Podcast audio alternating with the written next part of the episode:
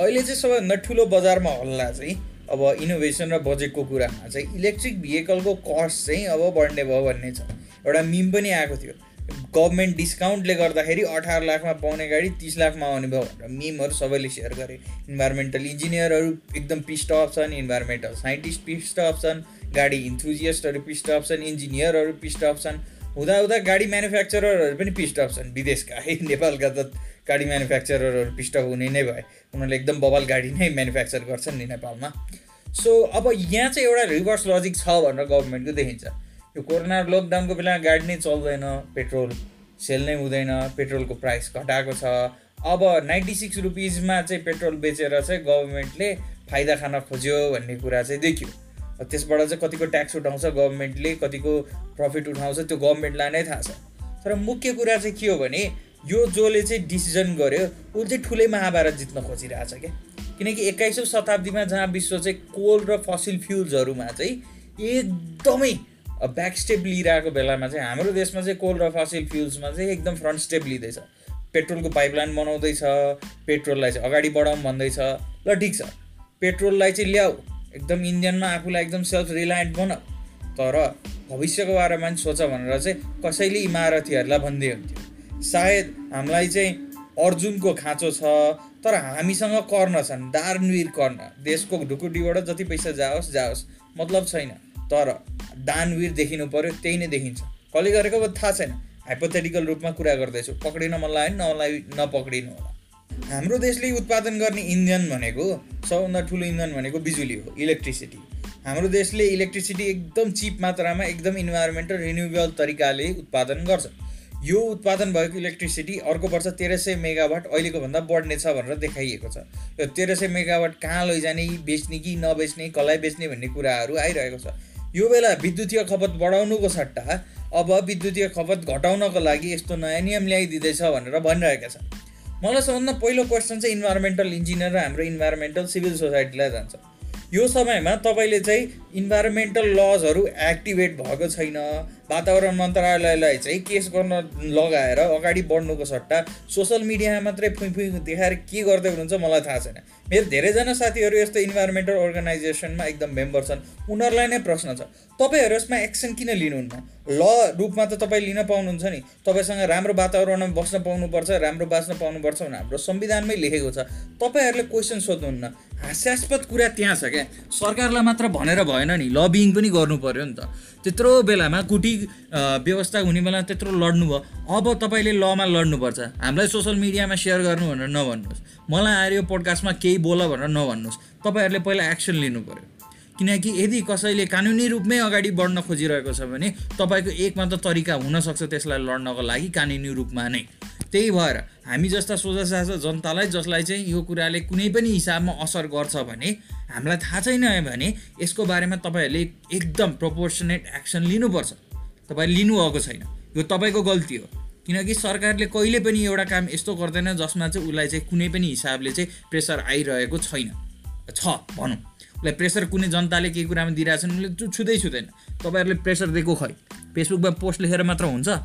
कुनै अर्गनाइजेसन अथवा कन्फरेन्समा गएर बोलेर मात्र हुन्छ? रिसर्च पेपर गरेर मात्र हुन्छ? लबिङ गर्नु पऱ्यो नि। खै त इन्भाइट गरेको पोलिटिसियन्सहरूलाई हजुरहरूको पार्टीमा? कहिले इन्भाइट गर्नुहुन्न। हो पोलिटिसियन्सहरू कहिले पनि यस्तो पार्टीमा जाँदैन किनकि तपाईँहरू बोरिङ हुनुहुन्छ। Try to make yourself sexy उनीहरूको भाषामा बोल्न जानु न नभए कोही पोलिटिसियनलाई राख्नु आफ्नो कम्पनीमा एटलिस्ट केही काम त गरून्। हरेक युनिभर्सिटीमा यस्ता नेताहरू छन् विद्यार्थी नेता उनीहरूलाई बोल्न लगाउनुहोस्। एउटा विद्यार्थी नेताहरूले एउटा वक्तव्य दिएको देख्दिनँ यसमा। खै त? तपाईँहरूले आफैले काम गर्नुहुन्न। म इन्भाइरोमेन्टल इन्जिनियर्सलाई नै तोकेरै भन्छु। उहाँहरूले नै नगरेर भएको। किनकि पुस गर्नको लागि जहिले पनि लमा काम गर्नुहुन्छ। सिधा गाली नै तपाईँहरूलाई गरिरहेको छु। र मेरो जो साथीहरू छन् इन्भाइरोमेन्टल इन्जिनियरहरू जसले चाहिँ पोडकास्ट सुनिरहेका छन् उनीहरूलाई सबभन्दा ठुलो झापड चाहिँ यही हो। तपाईँहरूले नै नगरेर भएको। म अरू कसैलाई दोस्रो दोष दिन्न। र दोस्रो कुरो जो जसले चाहिँ यो इन्भाइरोमेन्टल इन्जिनियरिङको यो एरियामा ज जसले चाहिँ आइएनजिओ एनजिओमा काम गरिरहेका छन् तपाईँहरूले यत्रो बेलासम्म के गर्दै हुन्थ्यो? घन्टा मारेर बस्नुभएको थियो। तपाईँहरूले गरेको काम त खै केही देखिँदैन। इन्भाइरोमेन्टल इन्जिनियरिङहरूलाई मात्र दोष दिएर त भएन। तपाईँहरूले के गर्नुभएको छ विदेशी डलर मात्र खाने भनेर त म भन्दिनँ। तपाईँहरूले काम गर्नुभएको छ होला तर एक्सनमा देखिएन नि त। त्यत्रो कम्पनीहरू छ यात्री मोटरसाइकल छ नेपालमा हुलासले पनि नयाँ गाडी बनाउँछु भनेर भनेको छ। म उनीहरूबाट पेड भएको होइन है। उनीहरूले काम गरिरहेछु भनिरहेछन् तर उनीहरूलाई चाहिँ यसले कसरी सपोर्ट गर्छ अथवा यसले कसरी गर्दैन यो कुराकोमा रिसर्च खै? अब केयु जस्ता विश्वविद्यालय टियु जस्ता विश्वविद्यालय अनुसन्धान आयोग बोलेको खै? तपाईँहरूले कहिले पनि केही कुरामा बोल्न सक्नुहुन्न तपाईँको आँट छैन। यो कुरा चाहिँ याद राख्नुहोस्। मैले आज तपाईँलाई एउटा इन्जिनियरको रूपमा भन्दैछु। हाम्रो इन्जिनियरिङ सोसाइटीबाट पनि कुनै एन्सर आएको छैन है। हामीहरूले पनि केही बोलेका छैनौँ। हाम्रो खालि एउटा चाहिँ सोसियल मिडिया मात्र अगाडि देखिएको छ। हो यो कोरोनाको बेलामा बाहिर गएर आन्दोलन गर्ने समय छैन तर एउटा लयर त हायर गर्न सकिन्छ। अनि जो चाहिँ इन्भाइरोमेन्टल लयरहरू हुनुहुन्छ तपाईँहरूको एक्सन खै? तपाईँहरूले केही एक्सन लिनुहुन्न त खै? खालि गाँजाको कुरोमा मात्रै एक्सन लिने त्यसमा मात्र केसहरू हान्ने? यो इन्भाइरोमेन्टल एक्सनको कुरामा कहिले केस हान्नुहुन्न? जिनिभा कन्भेन्सनको अनुसार पनि हामीलाई चाहिँ स्वच्छ वातावरणमा बस्न पाउनुपर्छ भन्ने कुरा चाहिँ छ। र यो सरकारलाई पनि म एउटा क्वेसन सोध्छु। अहिलेको बजेटमा नै तपाईँहरूले कार्बन ट्रेडिङको कुरा गर्नुभएको छ। यदि तपाईँ कार्बन प्रडक्सनमा एकदम हाई बनाउनु भयो भने यो वर्ष तपाईँले कार्बन ट्रेडिङ गर्ने बेला कुन चाहिँ विदेशी संस्थालाई कुन चाहिँ विदेशी सरकारलाई गएर भन्नुहुन्छ? हामीले इम्प्रुभ गरेको छौँ र भोलि गएर हामीलाई कार्बन ट्रेड गरेर भनेर। हाँस्छन् हाम्रो टाउकोमा। यो समयमा तपाईँले कमेडी गर्नुको सट्टा। अब कार्बनको व्यापार गर्ने भए इलेक्ट्रिक गाडीलाई चाहिँ प्रमोट गर्नुपर्छ भन्ने बुझ्नु पऱ्यो बजेटमा तपाईँले लेखेर मात्र हुँदैन कार्बनको ट्रेडिङ गर्छु भनेर।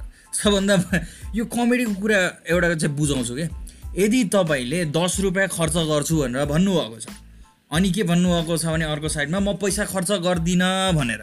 तर तपाईँले दस रुपियाँको सट्टा पन्ध्र रुपियाँ खर्च गरिराख्नु भएको छ र मैले पैसा खर्च गर्दिनँ मलाई इनामले भनेर भन्नुभएको छ भने तैँले पन्ध्र रुपियाँ किन खर्च गरिस्? भनेर क्वेसन सोध्न आउँछन्। मैले यो चाहिँ जो व्यक्तिले बजेट भाषण गर्नुभयो माननीय फाइनेन्स मिनिस्टरलाई क्वेसन गर्दैछु। यदि तपाईँलाई कार्बन ट्रेड गर्ने नै कुरा छ भने तपाईँले कार्बन प्रडक्सन बढाउने होइन घटाउने काम गर्नु पऱ्यो आई डोन्ट नो तपाईँको लजिकमा कहाँ के आयो कसले सजेस्ट गर्यो because I know you're a doctor तपाईँसँग चाहिँ मभन्दा धेरै एक्सपिरियन्स छ तपाईँले मभन्दा धेरै नै पढ्नु भएको छ र तपाईँको टिममा मभन्दा धेरै नै एक्सपर्ट्सहरू छन्। उनीहरूले के हिसाबमा यो कुरा गरे मलाई थाहा छैन। वी निड एन एक्सप्लेनेसन यो कुरामा चाहिँ उहाँहरूले चाहिँ फिजुल खर्च हो यसमा चाहिँ कसैले केयर गर्दैन भनेर भनेको छ। अबको नेक्स्ट छ महिनामा कोही गाडी चढ्नेवाला छैन। पेट्रोलमा कसैले पैसा फाल्नेवाला छैन। हाल्ने भनेको विद्युतीय गाडीमा चाहिँ अगाडि बढ्ने कुरा हो। कि विदेशबाट विद्युतीय गाडी आउँदैन भने नेपालमै विद्युतीय गाडीहरू उत्पादन गर्नको लागि स्टार्टअपहरूलाई पैसा त्यहीँ खुलाउनु पऱ्यो एउटा छुट्टै बजेटमा चाहिँ भाषण गरेर राखेको भए धेरै राम्रो हुन्थ्यो। तर अन्तशुल्क पनि बढाउने ट्याक्स पनि बढाउने कसले चाहिँ विद्युतीय गाडी चाहिँ अडप्ट गर्छ यो सिचुएसनमा? कसैले गर्दैन। अब अर्को कुरा एकदम रमाइलो के भन्छु भने यदि तपाईँले बिस रुपियाँ पर लिटरमा तेल किन्दै हुनुहुन्छ भने त्यो बिस रुपियाँ पनि नेपालबाट गएको डलर हो। तर तपाईँले नेपालमै प्रड्युस भएको इलेक्ट्रिसिटी किन्नुभयो भने एक डलर पनि नेपालबाट बाहिर जाँदैन। त्यसको बारेमा ख्याल गर्नुहोस् है त। तपाईँले इन्धन किन्नुभयो भने पर पर्सन बिस रुपियाँ विदेश जान्छ। तर इलेक्ट्रिक गाडी एउटा किन्नुभयो भने त्यो इलेक्ट्रिक गाडी आठ वर्षसम्म त्यसलाई एमोर्टाइज गरिदिनु त्यसको कस्ट तर त्यसले खर्च गर्ने इन्धनको कस्ट नेपालमै रहन्छ। कुन हिसाबले यो फाइनेन्सियल म्याटरमा चाहिँ अगाडि देखियौँ हामी मैले बुझेको छैन। मैले पर्सनल्ली बुझिनँ मलाई म्याथ बुझाउनु होला। जसले चाहिँ यो डिसिजन लिनुभयो। अनि जसले चाहिँ सजेस्ट गर्नुभयो हाम्रो माननीय फाइनेन्स मिनिस्टरलाई अर्को कुरा म के भन्न चाहन्छु भने नेपालमा धेरै यस्ता लजहरू छन् जसले गर्दाखेरि यदि चेन्ज भयो भने धेरैलाई चेन्जेसहरूले एकदम इम्प्याक्ट गर्न सक्छ आर्थिक रूपमा। हाम्रो जो पावर हाउसेसहरू छन् उहाँहरूको गल्ती पनि होइन। Everybody wants to protect their interest सबैलाई चाहिँ आफ्नो इन्ट्रेस्टहरू बचाउनलाई एकदम अगाडि बढ्न मन लाग्छ। ठिक छ आफ्नो इन्ट्रेस्टहरू बचाउनु। तर तपाईँलाई यदि सिन्डिकेट गरेर इलेक्ट्रिक गाडीहरू बेच्नु छ भने त्यो प्रोसेस गर्दा नि हुन्छ। इन्भाइरोमेन्टल कन्सर्न देखाउनु। Being environmental sexy is good for you this days है environmental sexy I quoted this term अब सोच्नुहोस् कहिले पनि यो स्टेप चाल्दाखेरि चलाउँदाखेरि भनौँ यो स्टेप चाल्दाखेरि तपाईँले कहिले पनि आफूलाई चाहिँ फाइदा हुने ठाउँ देख्नुहुन्छ भने अरूलाई घाटा हुने ठाउँ चाहिँ देख्न छोड्नुहोस्। तपाईँलाई फाइदा भइरहेकै छ नि त। तपाईँले तातो हावा खाएर धुलो खाएर धुवा खाएर बस्नुको सट्टा स्वच्छ हावामा हिँड्दाखेरि कति राम्रो तपाईँलाई एउटा कुरा के याद गर्नुपर्छ भने यदि तपाईँले चाहिँ सबैजनालाई चाहिँ इन्भाइरोमेन्टल कन्सर्नमा चाहिँ हामी अगाडि बढ्छौँ हामी रुख रोप्छौँ भनेर भन्नुहुन्छ भने सबभन्दा बेस्ट कुरा के हुन्छ भने तपाईँको डेली एक्सनमा पनि त्यो कुरा देखियोस्। यदि तपाईँ विद्युतीय गाडी चलाउन दिनुहुन्छ भने कसैलाई त्यसले कसैलाई गल्ती गर्दैन। हेर्नुहोस् तपाईँलाई प्रब्लमै के हो भने मान्छेहरूले विदेशबाट गाडी किनेर नेपालबाट डलरबाट पैसा गयो। यदि तपाईँले विदेशी गाडी नै किन्ने हो भने चाहिँ तपाईँले विद्युतीय गाडी नै किन्दाखेरि के गलत भयो र पेट्रोलको गाडी पनि नेपालमा राम्रो खालको गाडी त बन्दैन। मैले ग्यारेन्टीका साथ भन्छु नेपाली गाडी म चढ्दै चढ्दिनँ। नेपालमा भनेको भरोसै छैन। कसले किन्छ? सबै गाडी विदेशबाटै आउने हो। अब त्यस्तो स्थितिमा तपाईँले चाहिँ यस्तो यो ब्याकवर्ड ल बनाइसकेपछि हामीलाई गाह्रो पर्दैन। तपाईँले त अब बिस तिस वर्ष त बाँच्ने होला नि। हामी त यहाँ पचास साठी वर्ष बाँच्नु पऱ्यो हाम्रो देशमा। हामीलाई त गाह्रो छ नि त। भविष्यमा चाहिँ के गर्ने कसो गर्ने भनेर हामीलाई सोच्नुपर्छ भोलि गएर हाम्रो छोराछोरीलाई हामीलाई तपाईँहरूले किन यो सल्भ गर्नु भएन भनेर सत्तरीका दशकमा जन्मिएका व्यक्तिहरूलाई जसरी अहिले हामीले क्वेसन गर्छौँ उनीहरूले हामीलाई क्वेसन गऱ्यो भने हामीले जवाब के दिने? यो कुरा चाहिँ इन्भाइरोमेन्टल इन्जिनियर्स र इन्भाइरोमेन्टल लयर्सहरूलाई मेरो प्रश्न। आजको पडकास्ट एकदम हेभी ह्यान्डेड थियो एकदम नेगेटिभ थियो भनेर कसैले सोध्नुहुन्छ भने थियो किनकि त्यहाँ पोजिटिभ भन्ने कुरा केही छैन। एउटा कुरा पोजिटिभ छ हो क्रेडिट रेटिङ सिस्टम नेपालमा आउने भयो। त्यसको लागि धेरै धेरै थ्याङ्क यू अनि सेकेन्ड स्टक मार्केट आउने भयो योभन्दा अगाडि मैले चाहिँ एकदम प्रेज गरेको थिएँ यो बजेटलाई तर यो इभीको केसमा चाहिँ मैले चाहिँ एकदमै फ्रस्ट्रेटेड भएर यो पोडकास्ट बनाउनु परेको। I didn't want rock the boat मलाई कसैलाई गाली गर्नु छैन। खालि म फ्रस्ट्रेटेड छु।